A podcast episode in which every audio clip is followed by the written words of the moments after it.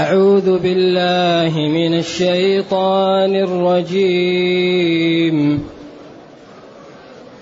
ألم تر إلى الذين أوتوا نصيبا من الكتاب يشترون الضلالة يشترون الضلالة ويريدون أن تضلوا السبيل والله أعلم بأعدائكم وكفى بالله وليا وكفى بالله نصيرا من الذين هادوا يحرفون الكلم عن مواضعه ويقولون ويقولون سمعنا وعصينا واسمع غير مسمع وراعنا وراعنا ليا بألسنتهم وطعنا في الدين. ولو أنهم قالوا سمعنا وأطعنا واسمع وانظرنا لكان خيرا لهم وأقوم ولكن لعنهم لكان خيرا لهم وأقوم ولكن لعنهم الله بكفرهم فلا يؤمنون فلا يؤمنون إلا قليلاً يا أيها الذين أوتوا الكتاب آمنوا بما نزلنا مصدقا. آمنوا بما نزلنا مصدقا لما معكم من قبل أن نطمس وجوها.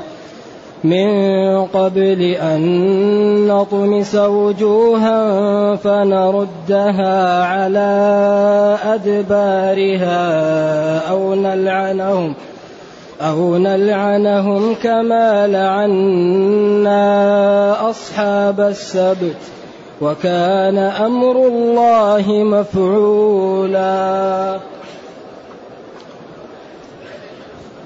الحمد لله.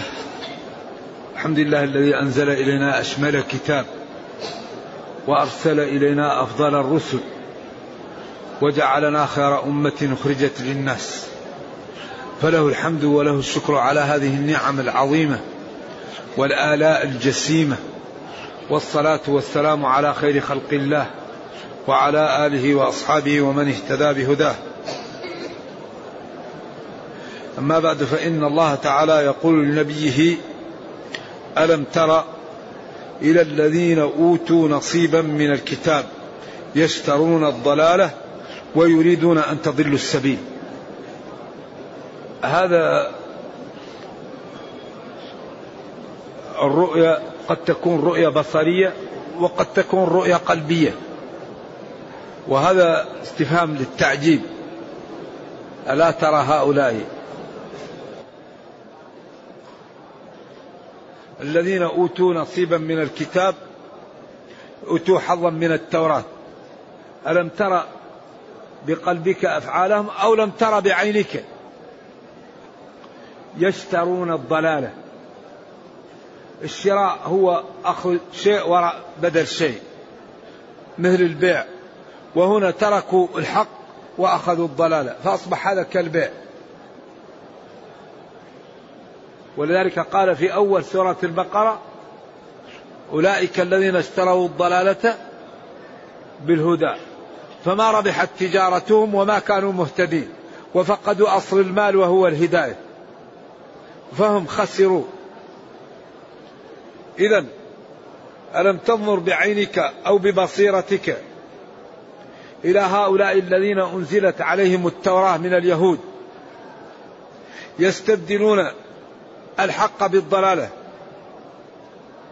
ويريدون لكم أيها المسلمون أن تضلوا طريق الحق وتذهبوا إلى طريق الباطل. ولذلك ذهبوا إلى قريش وقالوا لهم أنتم على الحق.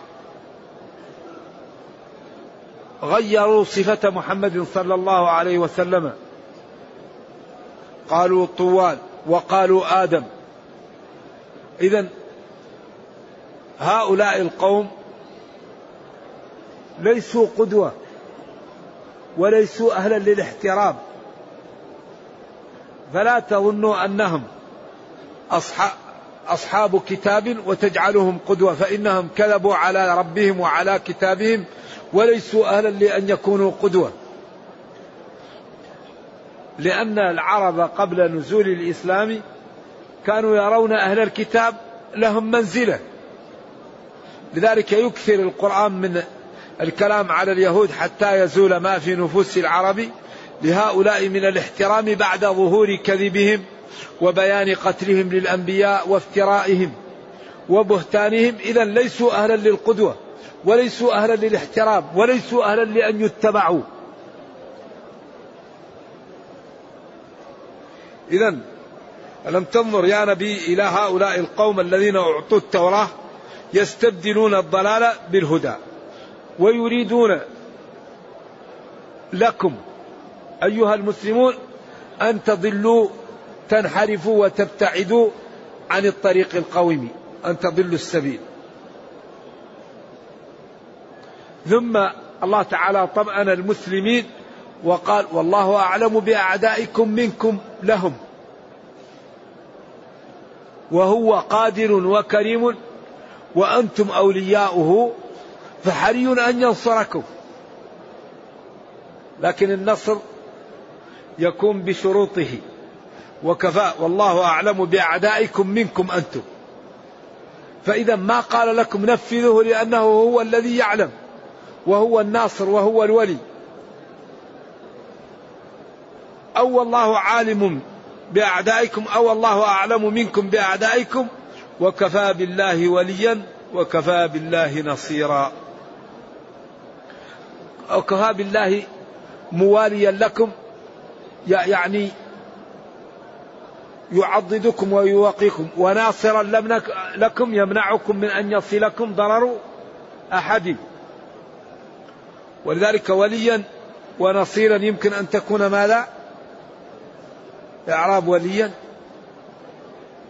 ما في أحد له صحبة مع سيبويه يمكن تكون حال ويمكن نجعلها تمييز بيان.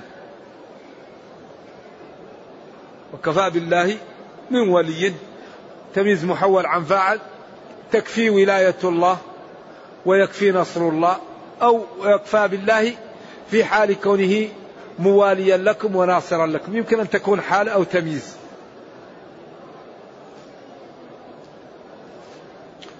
إذا ألم تنظر يا نبي إلى هؤلاء القوم الذين نزلت عليهم التوراة؟ يستبدلون الضلالة بالهداية ويطلبون ويريدون أن تسلكوا الطريق المنحرفة ولكن الله جل وعلا أعلم بأعدائكم منكم وهو مواليكم وناصركم فامتثلوا أمره واجتنبوا نهيه وابشروا بالخير. كفى بالله وليا وكفى بالله نصيرا. مواليا لكم وناصرا لكم. ثم قال من الذين هادوا. من هل هي للبيان أو للابتداء؟ أي يحرفون الكلمة. ناصرا لكم من الذين هادوا. أو مواليكم من الذين هادوا. أو يكون الكلام استئنافا من الذين هادوا قوم يحرفون الكلمة عن مواضعه. فمن يمكن أن تكون للبيان أو تكون للابتداء وهي تأتي لمعاني عديدة. إذا من القوم أو من الجماعة الذين هادوا جماعة يحرفون الكلمة عن مواضعه. التحريف هو التبديل والتغيير. والكلم هو الكلام والأسلوب والقول عن مواضعه عن مكانه الذي يكون فيها. فالله قالوا حطة فزادوها وقالوا حنطة أو قالوا حبة في شعرة. قالوا وقولوا حطة لا إله إلا الله أو أمرنا حطة فقالوا حنطة أو حبة في شعرة. إذا يحرفون الكلمة عن مواضعه. ويحرفون أيضا الفعل. قالوا لهم ادخلوا سجدا. فدخلوا يزحفون على أستاههم. لذلك الله فضل اليهود على عالمي زمانهم وأعطاهم من النعم ما لم يعطي لغيرهم. وبدأ استبدلوا هذه النعم بالكفران والنكران. فسلط الله عليهم من يسومهم سوء العذاب إلى قيام الساعة. وقطعوا فرقوا في العالم. قال وقطعناهم في الأرض. وقال وإذ تأذن ربك ليبعثن عليهم. إلى يوم القيامة من يسومهم سوء العذاب؟ وقال وإن عدتم عدنا. إن عدتم للإفساد عدنا عليكم بالتنكيل.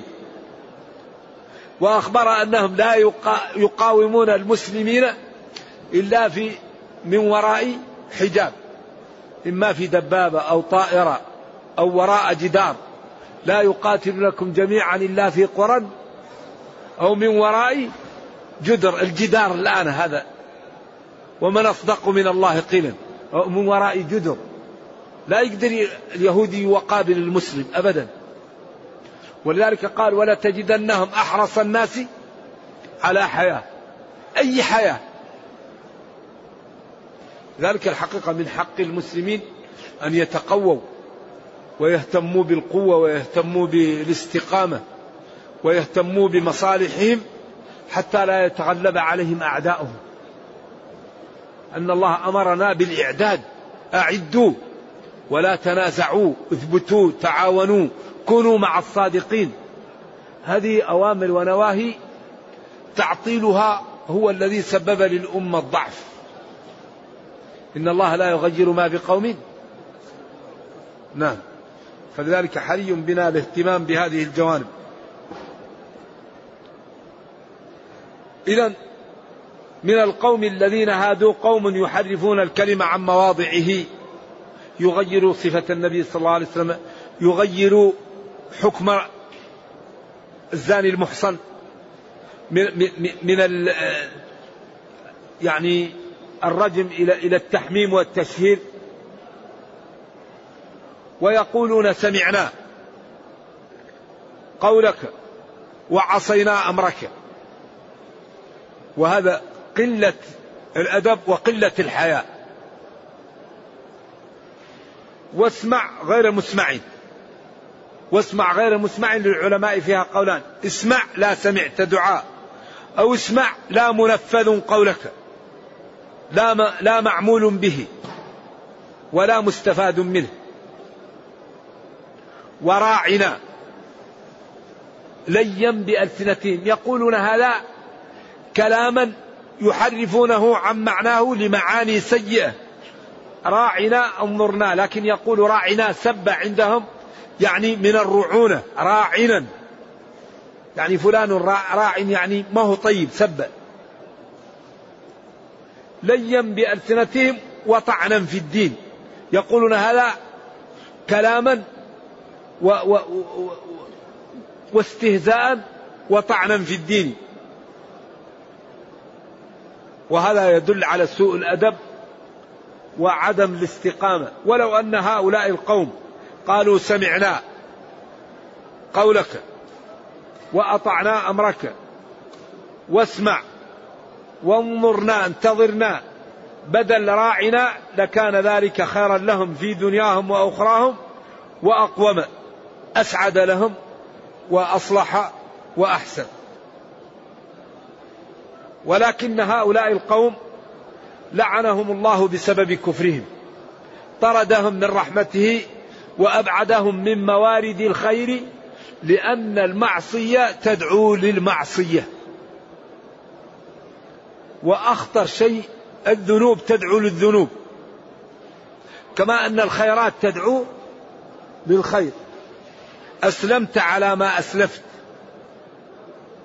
لكن أبو لهب لما قال تبا لك السائر اليوم دعوتنا ماذا قال له ربه. لما سارع بالتكذيب قال له تبت يدا أبي لهب وتب. وهو يسمع الآية ولم يستطع أن يقول لا إله إلا الله. نرجو الله السلام والعافية. لذلك الذنوب تدعو للذنوب والمعاصي تدعو للمعاصي. والانحراف يدعو للانحراف. كما أن الطاعة تدعو للطاعة والتوبة تفتح باب للخير. كل ما تاب الإنسان وعمل الخير هذا يجر لفعل الخير. ولكن لعنهم الله بسبب كفرهم. فلا يؤمنون إلا قليلا. أيضا للعلماء فيها قولان. لا يؤمنون إلا إيمانا قليلا لا ينفعهم. يؤمنون بأن الله خلق الكون. ولكن يشركون به ويكذبون بالرسل فالإيمان قليل لا ينفعهم بحيث يدخلهم الجنة. أو لا يؤمنون إلا جماعة قليلة منهم كعبد الله بن سلام وناس قليل.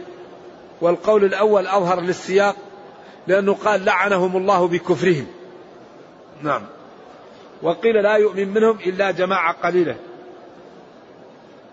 وهذه الأمور ترد علينا وتحكى لنا حتى أننا نأخذ الحيطة ونستقيم ونبتعد عن أماكن المعاصي وعن أماكن الهلكة. الله يخبرنا بهذه الأشياء ويبينها لنا و و و وتتكرر لنا في كتابنا لنعتبر. فاعتبروا يا أولي الأبصار. حتى الإنسان ينجو بنفسه ويبتعد عن الاستهزاء بآيات الله وبأحكام الله ويمتثل أوامر الله. ويجتنب نواهي الله لينجو. هذا الأمر يحكى لنا لنقتدي بالحق ونتبع الانحراف. ثم يقول جل وعلا يا أيها الذين أوتوا الكتاب آمنوا بما نزلنا مصدقا لما معكم من قبل أن نطمس وجوها فنردها على أدبارها. أعوذ بالله. يا أيها الذين أوتوا الكتاب اليهود أو اليهود والنصارى. آمنوا. امتثلوا أوامر الله واجتنبوا نواهيه. واعلموا أن هذا الدين حق وأن من كذب به ولم يستقم يعرض نفسه للهلكة والوقوع في المصائب. إذا آمنوا. بما نزلنا في حال كون هذا الذي نزلناه مصدقا لما معكم من التوراة والإنجيل وغيرها. أي آمنوا بما نزلنا. آمنوا صدقوا. بما بالشيء العظيم الذي نزلناه نزله الله. في حال كونه مصدقا وموافقا لما معكم من الكتب. قبل أن نوقعكم في الهلكة أن نطمس وجوها فنردها على أدبارها. قال العلماء من قبل أن نجعل الوجه مثل القفا. كما فعل جبريل بقوم لوط. قوم لوط لما أرادوا أن يعملوا العمل الخبيث بالملائكة ولا يظنون أنهم ملائكة وقال لهم لوط كلامه المحزن. لا تفعلوا. هذا لا ينبغي. في بنات الحي تزوجوهن. أترككم من هذا العمل السنيء؟ قالوا لقد علمت ما لنا في بناتك إيش وإنك لتعلم. هنا جاءت نقطة الصفر. قال لو أن لي بكم قوة أو آوي. قال صلى الله عليه وسلم يرحم الله لوط كان يأوي إلى ركن شديد. قال له جبريل يا لوط إنا رسل ربك. قالوا ومسح يده على وجوههم فبقى الوجه مثل الكف. لا محل للفم ولا للأنف ولا للعين.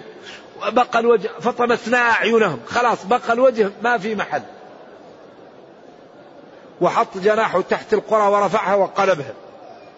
والمؤتفكة إذا من هذه قدرته من الجنون أن يعصى. إذا يا أيها الذين أوتوا الكتاب آمنوا. صدقوا بما نزلنا بالقرآن وبهذا الدين. من قبل أن نطمس وجوها فنردها على أدبارها. فنجعل الوجه في محل القفا. أو نجعل الوجه مثل الرأس فيه الشعر. وقيل أقوال أخرى لكن هذا أقوى وأوضحها. أو نلعنهم. نمسخهم كما لعنا أصحاب السبت. نمسخهم عياذا بالله قردة وخنازير كما فعلنا بأصحاب السبت وأصحاب السبت هم المذكورون في الأعراف وانقسمت القرية إلى ثلاثة أقسام. جماعة وضعوا شباكهم يوم الجمعة وجماعة حذرتهم وجماعة سكتوا. فالله تكلم على الجماعة التي وضعت الشباك وعلى الجماعة الذين حذروا وسكت عن الجماعة التي سكتت. فبعضهم قال هي هلكت وبعضهم قال هي نجت وبعضهم قال سكت عنها الوحي فنحن نسكت. وسألهم عن القرية التي كانت حاضرة البحر إذ يعدون في السبت إذ تأتيهم حيتانهم يوم سبتهم شرعا ويوم لا يسبتون لا تأتيهم. كذلك نبلوهم بما كانوا يفسقون. وإذ قالت أمة منهم لم تعظون قوما الله مهلكهم أو معذبهم؟ عذابا شديدا قالوا معذرة. لعل الله لا يعذبنا لأننا لم نبين لهم. ولذلك من شروط الاهتداء أن يبين المسلم الحق للناس ويأمرهم باتباعه. ومن شروط الاهتداء أن تبين الضلال للناس وتحذرهم من سلوكه. عند ذلك لا يضرك ضلال من ضل. قالوا معذرة إلى ربكم أو معذرة إلى ربكم ولعلهم يتقون. والثالث لأن لا يكون للناس على الله حجة. إذا الأمر بالمعروف والنهي عن المنكر له ثلاثة فوائد. الأول لكي يهتدي الإنسان. ثانيا لكي أنت تنجو من الورطة. ولا تعذب لأن المسلم إذا رأى أخاه على المعاصي ولم ينهه يلببه يوم القيامة ويقول يا ربي إن فلانا رآني أفعل وأفعل ولم إيش؟ ولم ينهني. إذا قالوا معذرة إلى ربكم. ولعلهم هؤلاء يتقون يهتدون. وذكر فإن الذكرى الأمر التالي لكي لا يبقى لهم حجة يوم القيامة لأن الله لا يعذب الناس إلا بعد قيام الحجة. وما كنا معذبين وقال رسلا مبشرين ومنذرين لأن لا يكون للناس على الله حجة بعد الرسل. وقال في حق أهل النار أعاذنا الله وإياكم منها كلما ألقي فيها فوج سألهم خزنتها ألم يأتكم نذير؟ قالوا بلى قد جاءنا نذير فكذبنا. فهؤلاء الذين وضعوا الشباك وصار يوم السبت تركوه لما جاء يوم الحد أخذوها. وضعوا الشباك يوم الجمعة وتركوها. وجاءت الحيتان يوم السبت فنزلت في الشباك فلما كان يوم الأحد أخذوها. فالجماعة اللي قال لهم كونوا قردة كونوا قردة. أمر الله كونوا تغيرت أشكالهم.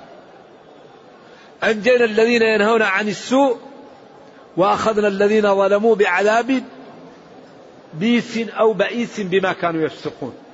فلما عتوا عما نهوا عنه قلنا لهم كونوا قردة خاسئين. أمرناهم فتغيرت أشكالهم. أما الثالثة التي قالت لم تعظون؟ سكت الوحي عنها.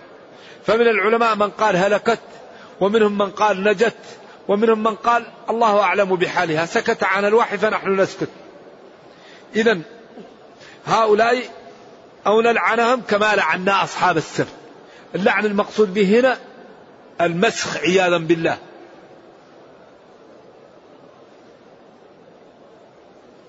والمس والممسوخ لا يعيش. إذا ما ورد في الحديث الصحيح أن النبي صلى الله عليه وسلم قال الفأر لعلها أمة من بني إسرائيل فقدت. وهي لا تشرب ألبان الإبل وتشرب ألبان الشاء والبقر. أخاف أن تكون ممسوخة.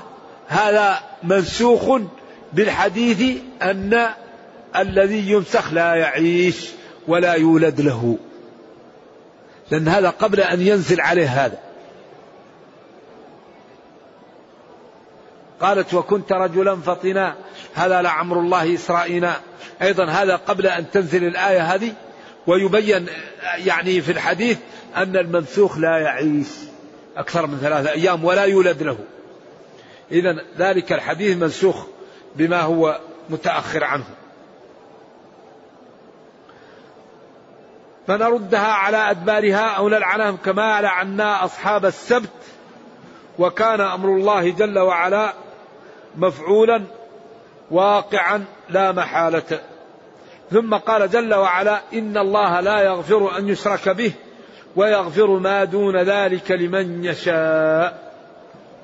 هذه الآية فيصل بين أهل السنة والجماعة وبين الطوائف المنحرفة من المسلمين من مرجئة وجهمية وحرورية ومعتزلة وخوارج.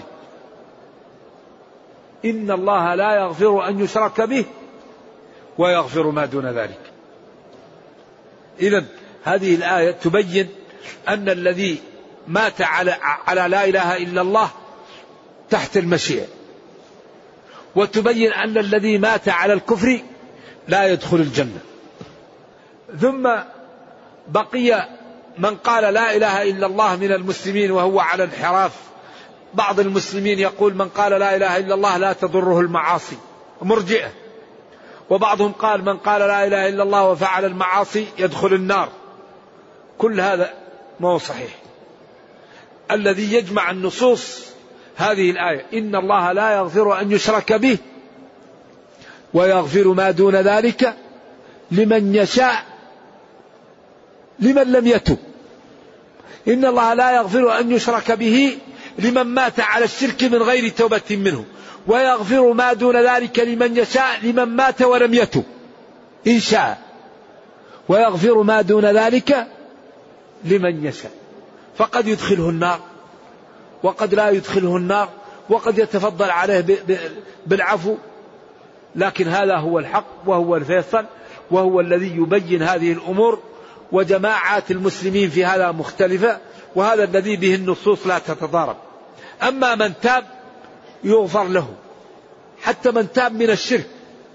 قل يا عبادي الذين أسرفوا على أنفسهم لا تقنطوا من رحمة الله.